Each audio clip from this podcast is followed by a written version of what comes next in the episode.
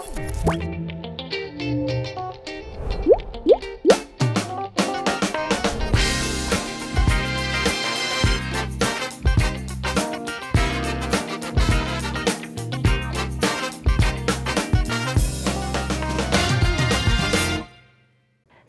datang di Ngobrol Sore Semaunya bersama gue pastinya Putri Tanjung. Hari ini kita kedatangan tamu yang super spesial jauh-jauh dari Korea Selatan dan saat ini sedang berkunjung ke Indonesia. Langsung saja kita sambut mentor saya juga Bapak Gandhi Sulistianto atau Pak Sulis Duta Besar Indonesia untuk Korea Selatan. Hai Pak Sulis. Halo, halo juga Putri. Aku baru kemarin dari dari Korea ketemu Bapak. Terima kasih udah menyempatkan untuk datang Pak dan ngobrol-ngobrol. Ya, tentu saja saya senang juga karena saya dulu sering gendong-gendong kamu waktu kamu umur tiga tahun. Iya. Jadi itu tempat sering jalan-jalan. dari kecil banget. iya. Jadi waktu dibilang Putri ada di Korea, saya yang kejar Putri untuk Iya. mampir. Iya harus kalau nggak jadi anak durhaka ya Pak kalau nggak dan nggak mampir ke Pak Sulis Pak apa Ya. kabar? Baik sekali, super dan eh, hari ini seperti Anda lihat saya sehat walafiat. Amin. Bapak gimana tahun 2022-nya? Tiga bulan lagi di 2023 loh Pak. Iya, makanya banget itu. ya. Luar biasa cepat. Kita memang waktu itu luar biasa eh, nggak terasa gitu. Iya benar. Saya ingat masih gendong kamu umur tiga tahun, sekarang sudah kamu sudah mau punya anak umur lagi kan lagi. Gosip. Nah, ya. Amin. Anyway, kan artinya sudah menikah dan lain sebagainya. Iya, dan cepet saya ya, Pak. bersahabat dengan Papa, dengan Pak CT sudah Iya. lama. Saya membantu Pak CT tahun 2006 atau apa di bulu tangkis. Iya, Itu PBS hampir ya, Pak, tiap itu? hari. Gedung Iya. ini belum jadi. Iya. Saya sudah sering kemari di barak-barak masih. Gitu. Iya. Jadi sudah lama saya mengenal keluarga Putri dan sekarang jadi orang hebat. Amin, Saya amin, bangga. amin, amin Pak. Jadi mungkin untuk teman-teman yang nggak tahu, Pak Sulis ini lumayan sangat berjasa karena waktu awal-awal aku belum masuk Citycorp ya Pak, masih bikin em, apa perusahaan sendiri namanya Iya, Creative iya. Partner. Pak Sulis adalah salah satu eh, orang pertama yang membantu. Waktu itu ingat gak Pak, kenapa Bapak mau membantu? Apa kasihan atau karena emang punya potensi? No, no, no. Saya pikir begini.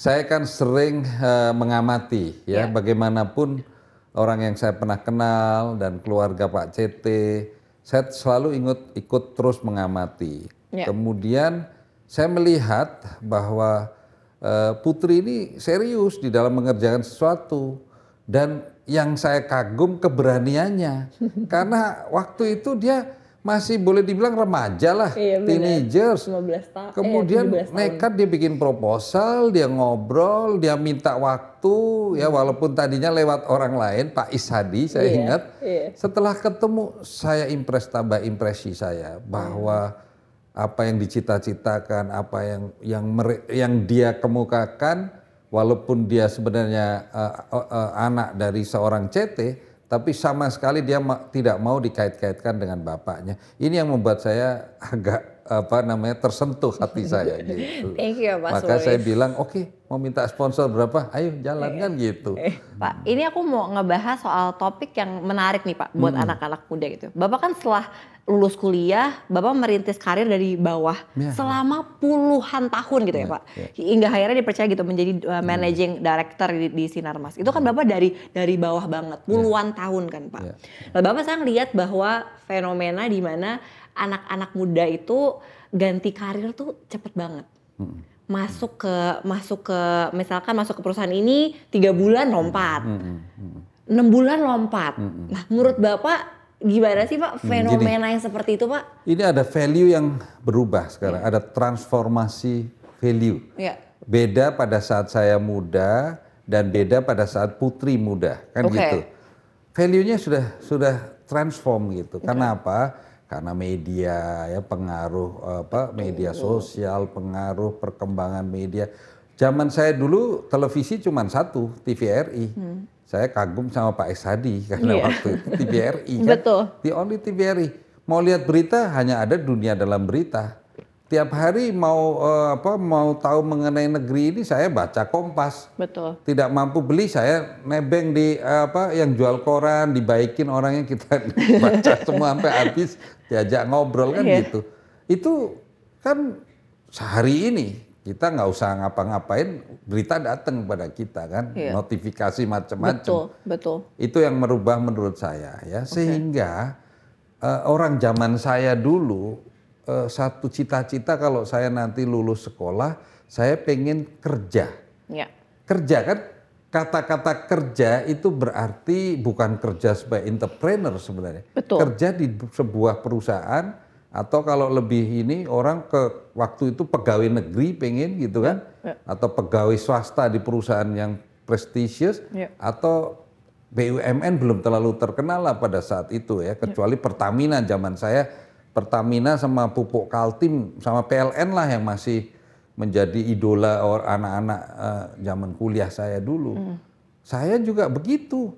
Saya gimana kalau saya setelah lulus ini bisa saya suatu saat masuklah salah satu nama besar itu kan gitu. Nah, tetapi anak sekarang anak saya waktu begitu selesai lulus, eh kamu mau kerja mana pilih aja kamu tinggal ini. Enggak, Pi. Eh ini lumayan loh gajinya bagus kamu anak ini di sini paling kalau kerja di bank digaji 6 juta ini 3000 dolar loh gini-gini kan kamu di Singapura keren enggak? Saya mau jadi self employers, ya kan? Saya mau mempekerjakan orang. Saya menjadi orang yang bisa memberikan lapangan pekerjaan. That was surprise for me. Iya. Hah? Yang serius kamu? Padahal pertama anak saya perempuan dulu awal-awalnya Iya. juga kan gitu kan. Serius kamu? Sekolah tinggi-tinggi gitu kan, S2 gini, waduh. Tapi kok tiba-tiba dia bilang begitu. Iya. Nah itu kemudian adiknya juga demikian. Nah menurut saya, oh value memang sudah berubah. Iya. Nah, padahal dia juga, ya mungkin dia merasa, oh gua udah punya bapak ada yang modalin atau apa. Tetapi saya lihat bukan hanya itu, ternyata saya lihat teman-temannya yang lain yang bapaknya biasa-biasa juga begitu. Dia mau coba jadi startup sekarang. Betul. Kebetulan anak saya jadi startup incubator banyak yang be- begitu. Iya. Sudah kerja di bank jadi eh, apa market eh, eh, apa marketing trainee atau apalah itu trainee-trainee itu, manajemen trainee maksud saya. Tahu-tahu keluar ya, mendingan dia bayar ini apa namanya kontraknya itu, kontraknya dibayar. Iya. Karena kan selalu ba- baik kontrak tuh Iya. manajemen trainee Iya. sudah di training kan. Kemudian dia mendirikan sebuah startup, kemudian dia cari dana sendiri untuk untuk bisa dapatkan membesarkan perusahaannya itu dan dia berdiri sendiri. Itulah saya ingat Putri pada waktu itu. Oh, pantesan Putri walaupun bisa minta bapaknya dia tidak minta tapi cari sendiri dengan sedikit muka tebel ya, Iya, maaf ya benar, kan benar, datang Pak. ke tempat saya ngobrol nggak kenal si istilahnya kan waktu itu kan set- setengah udah zaman tiga ta- umur tiga tahun sampai dia remaja kan udah puluhan tahun nggak ketemu saya. Kalau ketemu pun waktu kalau di rumahnya cuek-cuek gitu kan masih genit-genit. Anak kecil kan gitu. tahu-tahu dia present dengan membawa proposal pakai PDF gini makan komputer kan gitu kan laptop. Wah hebat sekali. Nah, that's value yang berubah Iya. gitu. Tapi apakah semua orang bisa jadi entrepreneur, Pak? Kan nggak semua orang anak muda bisa jadi entrepreneur. Menurut Pak Sulis gimana? Ya memang tidak Iya. tetapi eh, majority saya bicara itu kan totalitas ya semua secara umum secara apa eh, generasi muda sekarang itu berbeda Lagi towards semua ke situ ya, Pak? Toward ke sana semuanya. Jadi aimingnya jadi ke sana gitu. Gimana saya bisa menjadi seorang pengusaha. Iya. Ya. Masih ada sih anak-anak yang mentalitasnya juga pegawai pengen kerja masih ada, Iya, masih iya. ada. Tapi makin eh, men- menyurut gitu. Iya. Ya artinya kalau dia sudah jadi Oh kan dia keren waktu bikin startup kan ditulisnya chairman and CEO gitu kan itu ada kebanggaan kan Iya. itu value itu Bener, yang bener, saya bener, menurut saya ini dulu saya waktu ditulis jadi supervisor aja sudah sebangganya setengah iya. banget Iya. terus tambah naik manajer wih keren saya pamer-pamerin kan manajer loh sekarang saya kan gitu tapi sekarang maunya CEO dan chairman Iya. kan begitu sekarang anak-anak startup Betul, kan, ya betul. kan? Nah, di situ value yang berubah. Nah, dari situ startup tentu saja dia sekarang ini dalam berbisnis juga tidak ada lagi pemikiran orang itu pengen monopoli. Iya. Zaman dulu, Betul, ya iya. zaman generasi eh, konglomerat yang ada, selalu kalau mau join sama orang, eh saya kalau nggak minimum 51 persen enggak lah, Ya. mendingan ini. Kalau sekarang anak sekarang eh, Kolaborasi. share aja, Iya. share value artinya value bisa juga equity-nya jadi share Betul. juga kan karena Iya. kamu punya kelebihan di sini, saya punya kelebihan di sini, kamu punya data, saya punya teknologi, eh mari sama gitu kan. Iya. Eh ternyata ada pihak ketiga lagi punya apa? Bagi lagi kan Iya. gitu.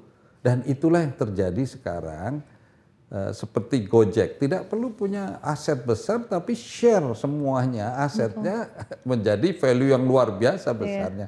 That's the value yang berubah sebenarnya.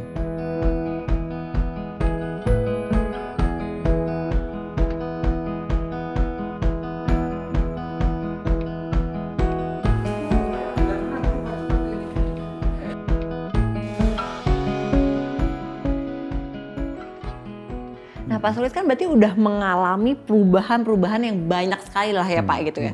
Dan Bapak juga baru-baru ini juga akhirnya shift gitu ya. Maksudnya mencoba untuk bertransformasi. Bapak udah 39 tahun bekerja sebagai pro- eh, profesional, terus tiba-tiba jadi dubes. Gimana Pak cara ada ada adjustment gak sih Pak? Ada fase adaptasi gak sih Pak? Gini, kalau jadi dubes itu benar-benar sebenarnya bukan cita-cita saya dan tidak pernah terbayang juga. Oh gitu Pak. Sama sekali, eh, saya melihat beberapa yang dilakukan oleh eh, eh, seorang birokrat, seorang menteri itu juga me- mem- mempunyai nilai-nilai yang bukan dinilai dengan komersial saja, tapi nilai apa? Nilai dedikasi, Ya, ya, dedikasi kepada negara. betul. Bagaimana bayangkan kalau tidak ada orang yang mempunyai eh, eh, sifat seperti itu yang mau menyumbangkan tenaga pikirannya tanpa memikirkan nilai sisi apa komersial. Ya. Negara ini semuanya mau jadi pengusaha emang kan nggak mungkin Betul, juga kan betul. gitu. Nah, saya nggak lihat itu apa eh, eh, eh, income pendapatan dari duta Ya. besar sama sekali Ya. saya nggak nggak lihat Ya. ya kan. Eh, dan di situlah eh, saya dapat kesempatan ini saya manfaatkan. Saya juga pingin satu saat meninggalkan legacy juga Betul. di negara ini Betul Pak. saya juga ingin dikenang bahwa saya bukan sekedar apa menjadi economic player saja, tetapi saya juga ingin menjadi aparat sipil negara kan gitu, pelayan masyarakat, Betul. public servant. Ya.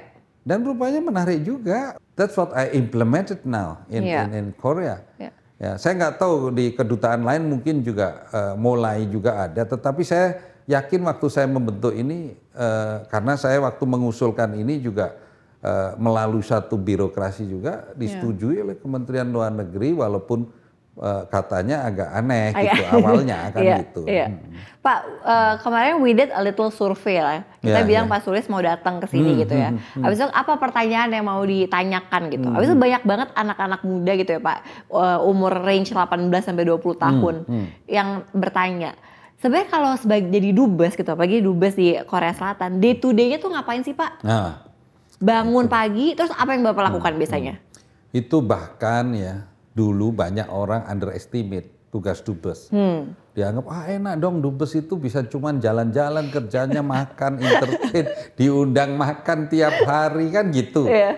tetapi setelah saya jalanin ya ampun banyak sekali ternyata Iya. gitu kan Eh, yang pertama gitu eh, yang paling eh, apa mendasar ya yang paling basic itu kan melindungi warga negara kita yang tinggal di sana Ya. diaspora, pekerja migran Indonesia, mahasiswa, pelajar, kan banyak yang merit da- dapat orang sana. Itu jumlahnya puluhan ribu. Ini semua butuh Wow. pelindungan. Oke. Dan saya harus lakukan itu eh, eh, dan harus tahu persis sebetulnya apa sih kebutuhan mereka. Kemudian yang kedua, tentu saja memang tugas utama saya meningkatkan eh, bisnis Hmm, ya. dari negara itu. Korea saat ini itu mempunyai penduduk 52 juta. Oke. Tetapi tiap tahun dia defisit penduduknya sebanyak 2 persen. Berkurang artinya Iya. defisit itu. Iya. Bukannya bertambah penduduk itu berkurang. Iya. Tetapi yang usia tua makin bertambah. Betul. Karena life expectancy-nya jadi tinggi Iya. kan. Karena teknologi ke- kesehatannya lebih bagus. Nah, yang muda karena sibuk kerja tadi mau eh, punya usaha, nggak mau punya anak. Iya benar. Nah itu terus minus. Iya.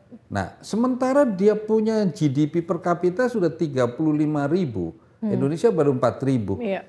Disparitasnya tinggi sekali. Kenapa dia eh, begitu hebat apa? Dia punya perkembangan ekonominya karena dibantu dengan research and teknologinya yang maju, Iya. sehingga apa namanya eh, dia di sana mau otomotif dan dan elektroniknya maju pesat. Nah, luar biasa. Saya bilang ini yang dikombinasikan Indonesia penduduknya begitu banyak, dapat bonus demografik. That's combination two countries itu mudah-mudahan bisa men- me- mendapatkan mutual benefits. Oke. Itu yang jadi kerjanya banyak. Iya. Saya ketemu kalau so, kalau orang mau menghadap saya itu malah saya bilang eh jangan ngadep kalau apa konglomeratnya bilang mau ini saya yang datengin Anda. Nah, Iya. pada saat saya datang itu saya melihat fasilitas produksi mereka, Betul. saya lihat teknologinya mereka bagaimana. Betul. Saya selalu seeing is believing. Nggak Iya. pernah saya cuma terima laporan. Betul. Boleh an- Anda chat cek ke anak buah saya.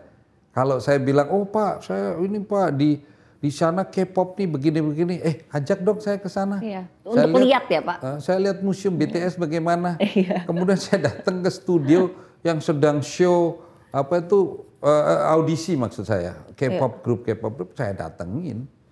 Eh, bahkan saya ikut dalam show itu di interview apa segala. Untung saya udah latihan di Trans TV dulu. Lihat musik di sini kan gitu. Iya udah udah ada bayangan ya udah ada Pak. bayangan karena sewaktu awal-awal Trans TV awal-awal ya Iya. saya banyak kenal orang-orang produksi di sini itu ceritanya jadi saya bergaul Iya. Eh, nah, maka gaul sama anak muda datang lagi kampus-kampus suruh kasih apa namanya eh, eh, kuliah umum. Ah itu kesempatan saya promosi Indonesia kan? Iya. ada eh, persepsi-persepsi negatif tentang Indonesia. Saya cerita mereka nganggap Indonesia negara negara miskin. Saya bilang eh yuk jangan bilang miskin kita anggota G20 kan Yes, gitu. yes. kita sudah apa namanya GDP kita udah di atas satu triliun US dollar Iya. kan gitu.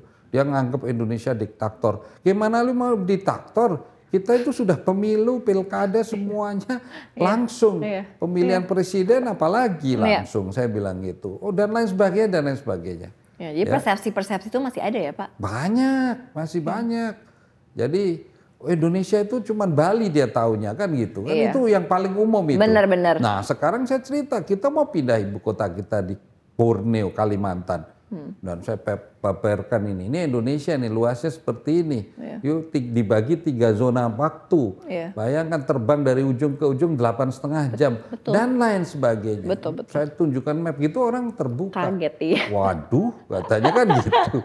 Dan kita anggota ASEAN, Iya. kita terbesar penduduknya. Total ASEAN 650 juta orang. That's what I always, you know, campaign. Iya. Nah itu kan juga pekerjaan yang, ya ampun saya ke kampus-kampus itu kan jaraknya Iya, jauh-jauh. Itu lelah ya Pak. Capek juga. Dulu saya pikir ya itu pasti lebih ringan lah dibanding yang kerjaan di korporasi iya, kan iya. ternyata nggak Ternyata enggak ya. juga, Iya. nggak juga gitu kan.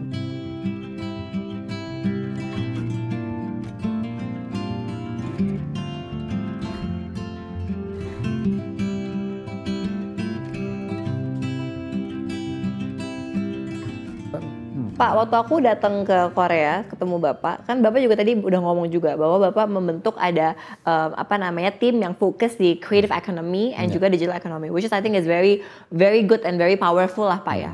Kemarin aku salah satu aku ke uh, Korea juga karena aku mau melihat industri kreatifnya gitu. Ya. Kita tahu lah ya Pak dengan K-pop wave dan segala macamnya Korea itu industri kreatifnya salah satu yang paling luar biasa. Menurut Pak Sulis pribadi, apa sih Pak? What's the wow factor? Kenapa? Apa alasannya kultur Korea menjadi sangat luar biasa dan industri Korea jadi sangat-sangat maju, Pak? Hmm. Nah, yang pertama yang saya lihat ya Iya. pengamatan saya mungkin saya salah, tapi ini pengamatan saya pribadi Iya. itu sikap nasionalismenya yang Hmm. luar biasa, bangga terhadap produk-produk nasional. Hmm. Itu yang pertama. Yang kedua semangatnya kerja. Anak-anak muda sana juga sama dengan yang udah apa, yang senior senior. dia mengenal moto namanya pali-pali pali-pali. Pali-pali itu artinya apa? Kerja, kerja, kerja. Iya. Orang mau ngomong apa di belakang kamu pokoknya kerja, Kerja, aja iya. gitu loh. Kerja, kerja, kerja. Nah dua hal itu menurut saya modal.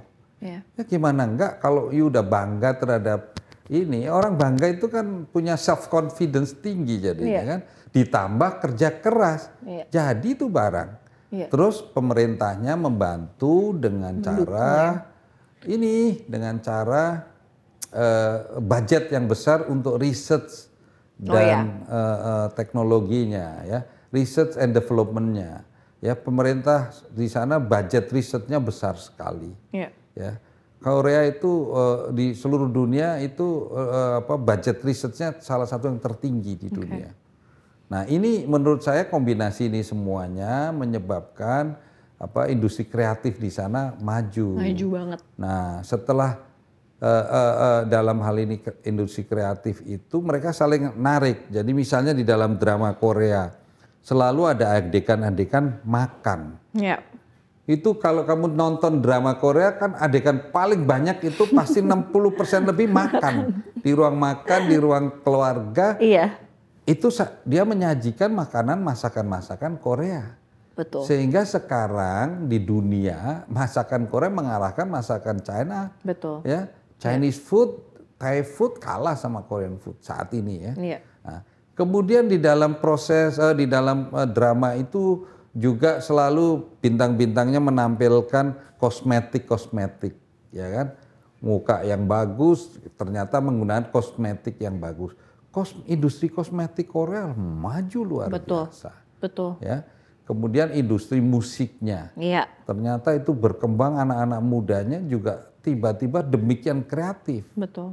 ya nah hal-hal ini menurut saya eh, apa yang mereka sebut dengan Korean wave kan Iya. ombak Korea yang Betul. menyerbu dunia Betul. ya bayangkan seorang grup band seperti BTS itu bisa demikian mendunia menjadi apa eh, utusan eh, apa menjadi simbol eh, perdamaian dunia Betul. sampai Presiden Biden memanggil Iya. untuk menenangkan agar uh, uh, penduduk Amerika tidak membenci Asia dan lain sebagainya. Itu prestasi anak muda usianya masih di bawah Iya, 30. betul. Iya kan 30 ada yang sekarang sudah senior gitu kan. Iya. Nah, kemudian regenerasinya juga cepat sekali. Iya. Ya. Itu setuju. Iya. Iya. Dalam uh, ini dulu yang dikenal sebelum BTS kan ada namanya Super Junior tuh. Iya. Suju. Sekarang udah nggak terdengar lagi. BTS yang uh, di mana-mana hebat ya. Hmm. Kalau grup uh, apa girl bandnya itu uh, Blackpink namanya. Iya. Nah sekarang BTS sudah mau meredup karena mau harus memasuki masa apa namanya uh, uh, wajib militer.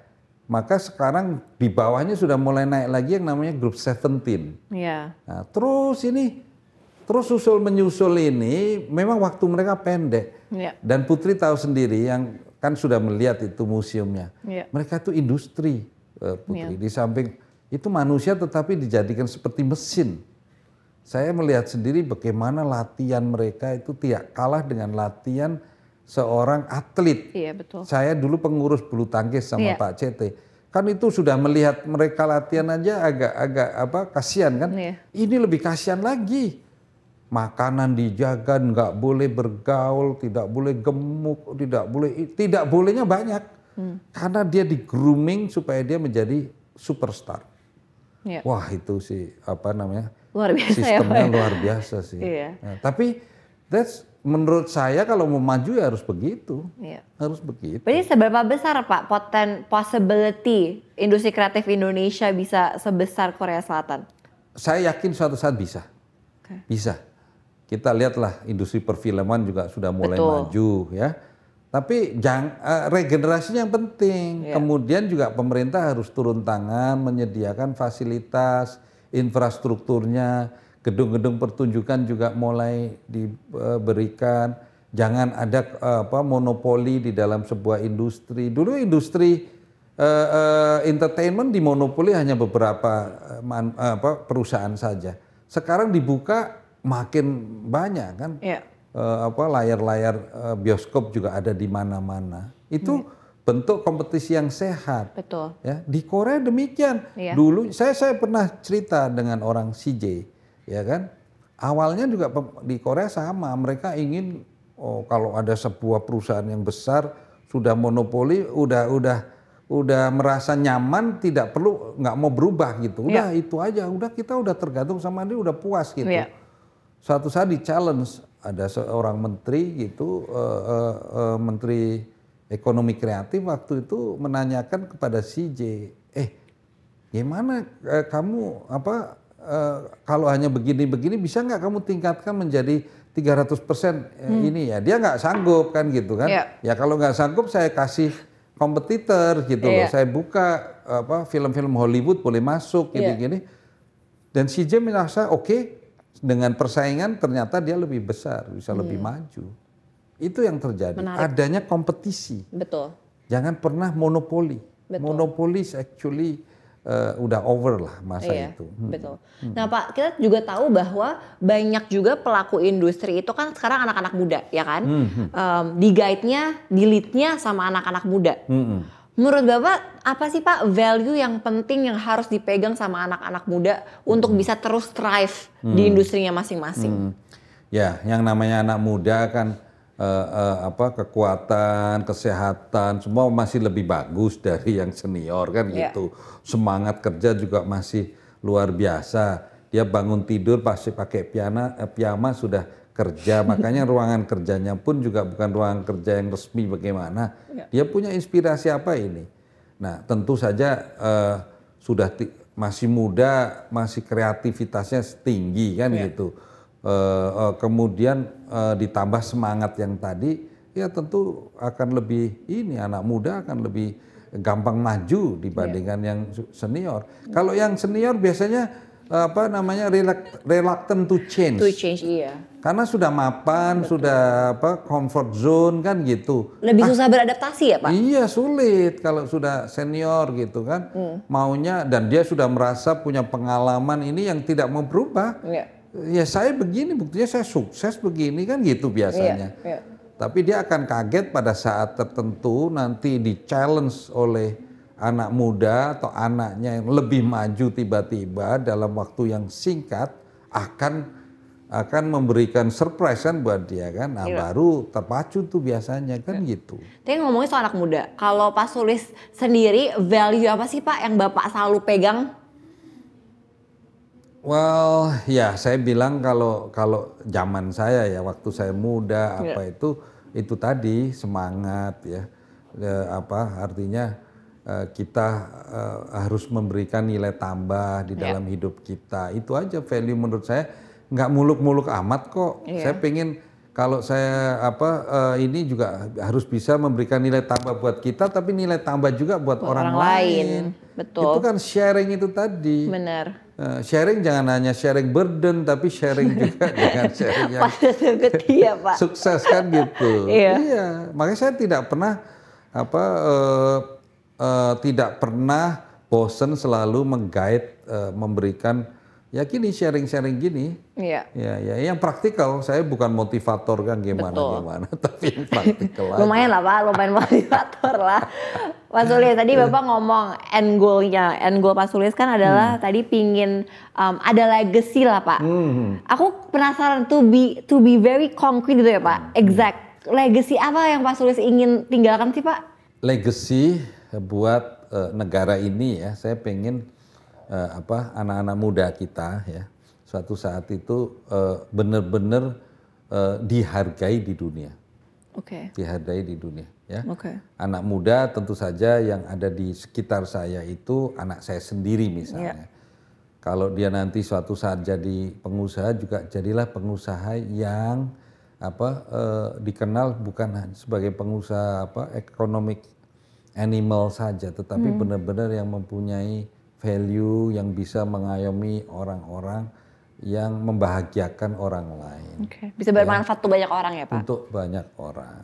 Itu yang menurut saya sederhana sih. Saya pengen itu dikenang sebagai orang tua, sebagai apa namanya, sebagai manusia yang sudah bisa mendidik generasi muda ya eh, untuk menjadi orang yang mempunyai nilai atau arti itu aja. Iya. Tapi aku optimis lah itu. Bapaknya udah melakukan itu juga waktu dari aku kecil. Iya, saya tahu. Ya itulah saya pikir ya itu kan hal-hal sederhana sebetulnya, memperhatikan orang dengan memberikan atensi kan kan sesuatu yang apa sederhana tetapi ya menghasilkan juga kan ternyata kan. Ya, Iya. ya. Pak, sebelum kita ke pertanyaan terakhir, kita kan jadi udah ngobrol-ngobrol yang agak berat-berat nih Pak. Jadi kita main games dulu.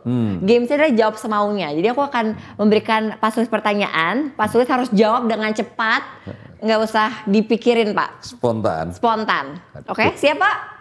Siap. Oke, Ke- ketika bangun pagi, hal apa yang langsung Pak Sulis pikirkan? Susah juga ini mikir ini. Pa- Pagi dipikirkan, saya pikirkan hari ini jadwal saya apa. Oke. Waktu kecil hal apa yang paling eh, memalukan atau unik yang pernah Pak Sulis rasakan atau alami? Memimpin upacara tapi resletingnya terlepas. Itu kapan, Pak? Waktu saya SD, iya kan, saya dan tidak akan lupa itu. Saya memimpin ah, Indonesia Raya tetap cerot di bawah turun gitu. Ditonton semua teman-teman kan. Itu Bapak sadar atau dikasih tahu teman? Hah? Ya sadar tapi kan nggak bisa turun Oh, iya, karena iya, saya iya. memimpin gitu. Jadi disiplin saya ya saya diemin aja lah.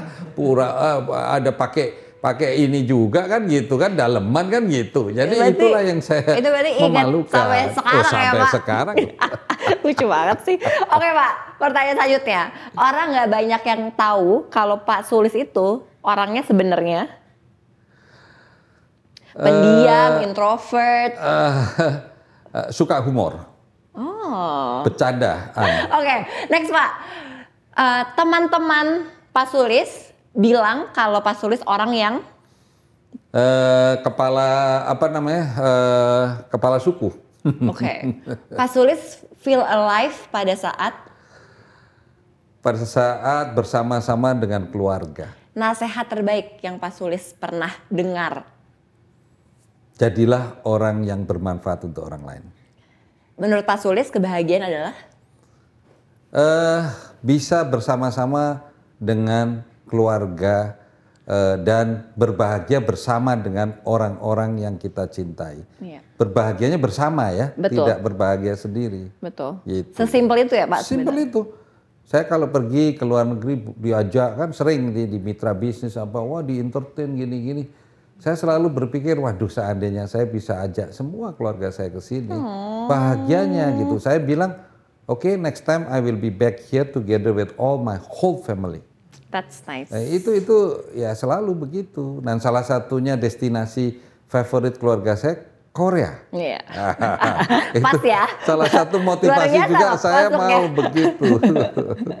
Pak, Iya. pertanyaan terakhir Pak sebelum kita mengakhiri our conversation.